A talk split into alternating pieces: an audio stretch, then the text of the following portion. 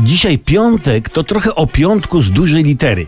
I jakbyśmy mało mieli problemów, pojawił się całkiem nieoczekiwanie problem środka Polski. I, i, I się okazuje, że nie jest w gminie piątek, ale 19 km na północ od piątku można zażartować prawie w sobocie. Rozumiecie? Piątek, sobota, taka gra znaczeń. Znaczy nazwą miejscowości i nazwą dnia tygodnia. O, o, no.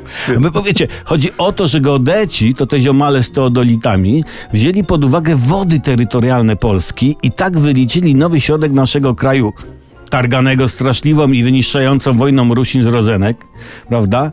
I, i wy- wytyczyli nowy ten środek. I biedni, naiwni geodeci. Czyż oni nie wiedzą, że prawdziwy środek Polski znajduje się nie w Piątku, nie pod Kutnem, ale środek Polski jest jeden i bije w Warszawie na Żoliborzu. Ale bowiem, gdyż o środku Polski nie decydują pomiary wykonane przez ziomków z teodolitami, ale człowiek, wokół którego skupia się, koncentruje zdrowe jądro kraju.